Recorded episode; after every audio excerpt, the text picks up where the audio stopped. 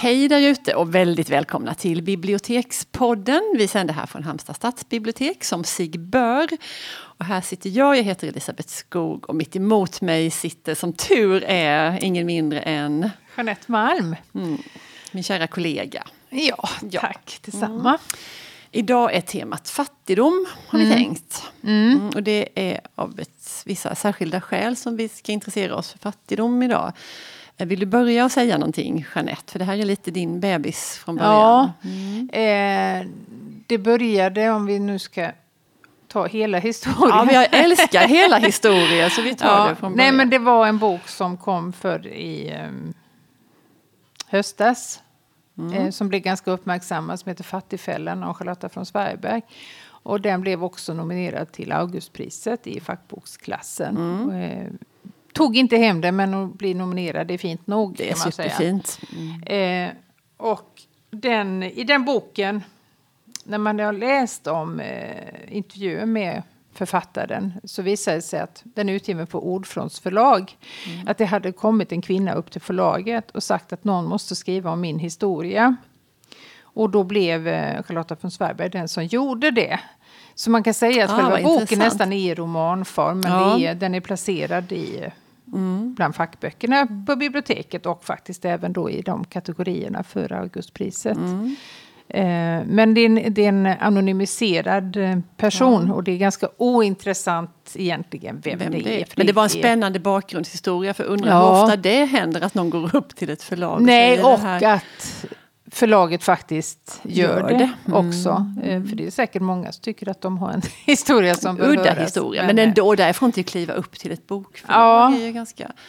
Ja, men i alla väl, fall så, så, Ja, och det handlar om en kvinna, Beata, som faller mycket tungt och mycket hårt ur alla sociala skyddsnät som finns på grund av att hon blir sjuk. Och hon mm. hamnar i ekonomiska svårigheter, minst sagt. Ja. Eh, och detta beskriver eh, Charlotta von Sverberg väldigt detaljerat. Vad som händer, vilka konsekvenser det får, hur hon sakta, hon har ju aldrig varit i kontakt med eh, alltså, försörjningsstöd, Försäkringskassan, SOS. SOS. Ingenting sånt. Nej. Hon har skött sig själv som ja. de allra flesta av mm. oss ju gör. Mm. Men också faktiskt lever i tron att om jag behöver det så finns den hjälpen där ute. Mm. Det tror jag är en väldigt vanlig, alltså så ja. tänker nog många fortfarande fast mycket pekar åt ett annat håll. ja, och finns. läser man hennes bok så tas man ur den villfarelsen eller mm. tron. Mm vi har bjudit, i alla fall bjudit in henne eh, att komma hit till eh, Halmstad stadsbibliotek och berätta om boken. Mm. Och det är ett samarbete med eh, Europa Direkt Halland.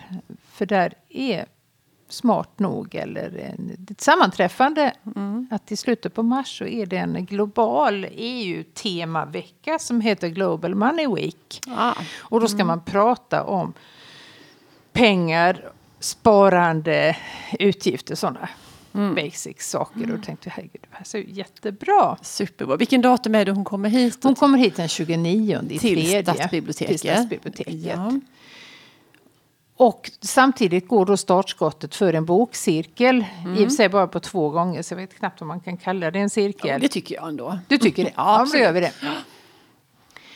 som eh, biblioteket i samarbete med Konsument Halmstad ska hålla i. Och eh, upplägget är som så att man anmäler sig till cirkeln naturligtvis. Mm.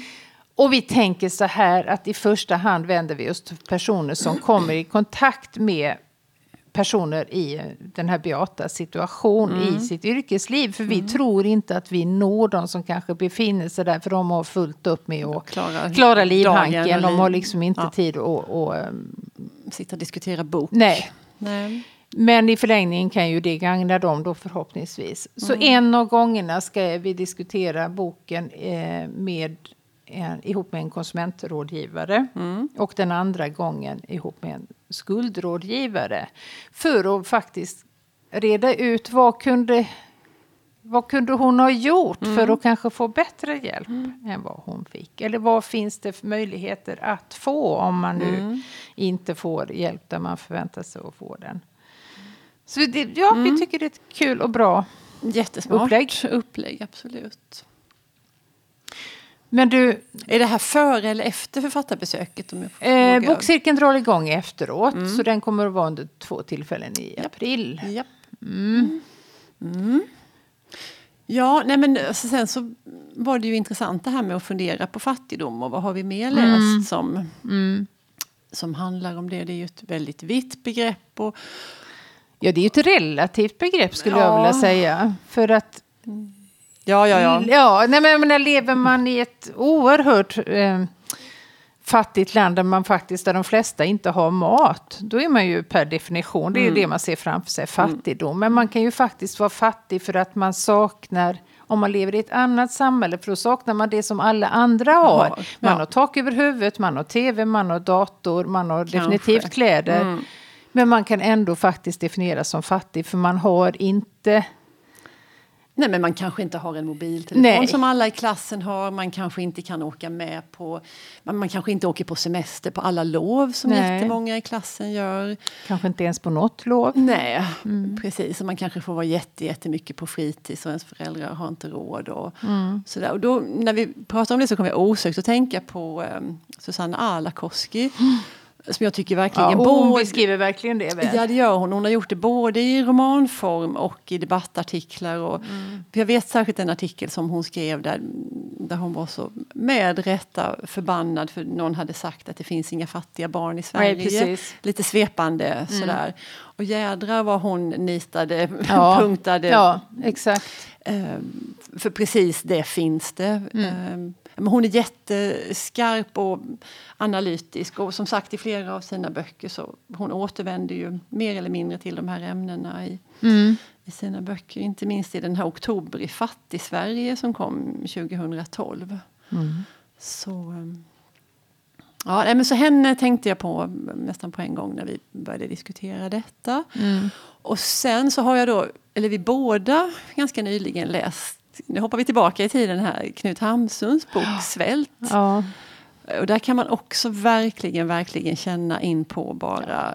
Där pratar vi ju om den där extrema formen av fattigdom. Ja, det här med att verkligen inte ha någonting att äta. Nej. Och inte, inte ha det. Och han, jag vet det är något otroligt rörande när han kommer över några korvar så han kan köpa sig en bit bröd. Och, hur, mm. och, och, det är ju det enda han äter på flera dagar. Och, och den här känslan av att ha det här brödet i munnen. Mm. Och, och hur han Ja, att, att, han nästan liksom skojar med sig själv eller för sin överlevnads skull säger att han liksom frossar i den här ja. brödbiten och, att, och hur mätt han blir. Och, Precis. och då äter han inget mer på, på flera dagar sen. Och han hittar också något, något ben som någon hund har, har tuggat färdigt ja, på. Eller om man ljuger går... ihop att han har en hund ja, och tigger till sig ben. Ja. ben. Ja. Um, och också ja, men det här med vad svält verkligen mm. gör med en människa. Ja, det är ju en fantastisk, fantastisk bok. Ja, det är verkligen. det. Och, och han, hur också, han, det är ju också något som händer rent fysiskt och mentalt när man, när man är under svält. Att man kan bli lite hög i vissa perioder mm. av det där. Mm. Och tycka att wow, jag behöver ju ingenting. Och man är full av energi och mm. påhittighet och esprit och allt vad det är. Mm. I själva verket så är det ju ett livshotande tillstånd. Precis. Um, ja. Ja, fantastisk bok ja, men det är det. Verkligen. Och sen var det spännande att göra sådär, man kan ju söka i våra bibliotekskataloger och då finns det något väldigt fiffigt som är om inte Guds gåva till bibliotekarierna så i alla fall en ganska senkommen gåva till oss. Att man kan söka på ämnesord. Mm. Så är man intresserad av vad finns det för romaner som handlar om ja. det här och det här. Vi så. tackar våra katalogisatörer. ja, Tack för ämnesorden. Tack ska ni ha för ämnesorden. Ja. Om detta inte är sagt tidigare så vill Nej. vi nu verkligen framföra detta. Mm. Och då sökte jag där på, just på begreppet fattigdom. Och det var ju många böcker som man kom på att man hade läst och mm. som man för all del också inte hade läst som handlar om det här. Eh, till exempel Moyan, eller jag tror att man ska säga Moyen, men ja, ja. nu säger vi Moyan, den kinesiske mm. nobelpristagaren. Alla hans romaner handlar om, om fattigdom, mer eller mindre. Mm. Um, så att, ja. Och så tycker jag att det är roligt att vidga begreppet. Vi pratar jätteofta om skönlitteratur, eller om romaner. Mm. Eh, men då och då så kommer vi in på lyrik och här måste vi då nämna Johan Jönsson. Ja. Ja. Det, det, nej men det är lite lustigt med hans...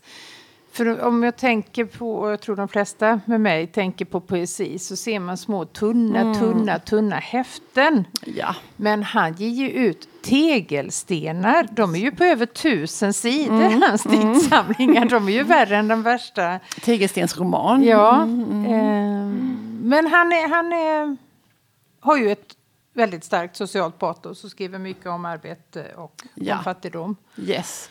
Det gör han också i, i samtliga av sina verk så på mm. något vis tangerar han ju det här. Och någon recensent skrev att han då var en förnyare av proletärlitteraturen. Mm. Um, och det är ju häftigt och roligt. Och, ja det är det. Ja, och att det sker i poetisk form. Då. Hans senaste diktsamling kom 2016. Den heter Dit, dit, hän. Um, ja. Ja, något att hålla ögonen på. Mm, absolut. Eh, nej men det finns ju. Om man nu inte råkar ha personlig erfarenhet av det här ämnet så kan man ju alltid läsa sig till mm. och faktiskt mm. nosa på hur, hur det känns. Eh, sen är det en helt annan sak än att uppleva det ja. naturligtvis. Mm. Men eh, det gäller ju många andra ämnen också. Mm. Bra med böcker. Ja, det är det. du, kan vi djup, säga. En djup sanning. Ja. Det är så himla bra med böcker. Men eh, alla som är intresserade av detta är varmt välkomna till biblioteket den 29 i tredje. Ni mm. kan hålla utkik på vår webbsida. Och Charlotta från Zweigberg ja. ja. Det ska bli jättespännande. Ja, det ska det bli. Ja, men tills dess så ha det bra. Mm. Tack för idag. Tack. Hej då.